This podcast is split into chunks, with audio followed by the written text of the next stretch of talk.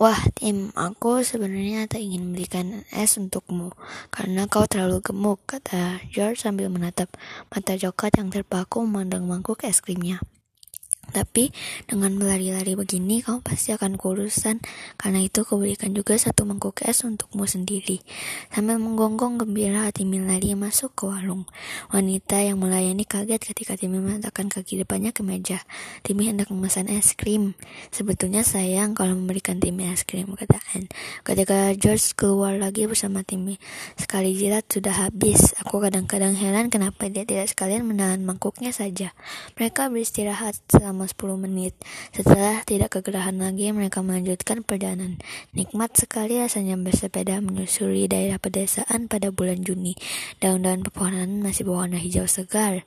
Lapangan yang mereka lewati bagaikan berselimut. Bunga-bungaan berwarna kuning yang terangguk-angguk dibuai angin. Jalan desa yang mereka lewati tidak ramai. Hanya sekali-sekali nampak gerobak pertanian.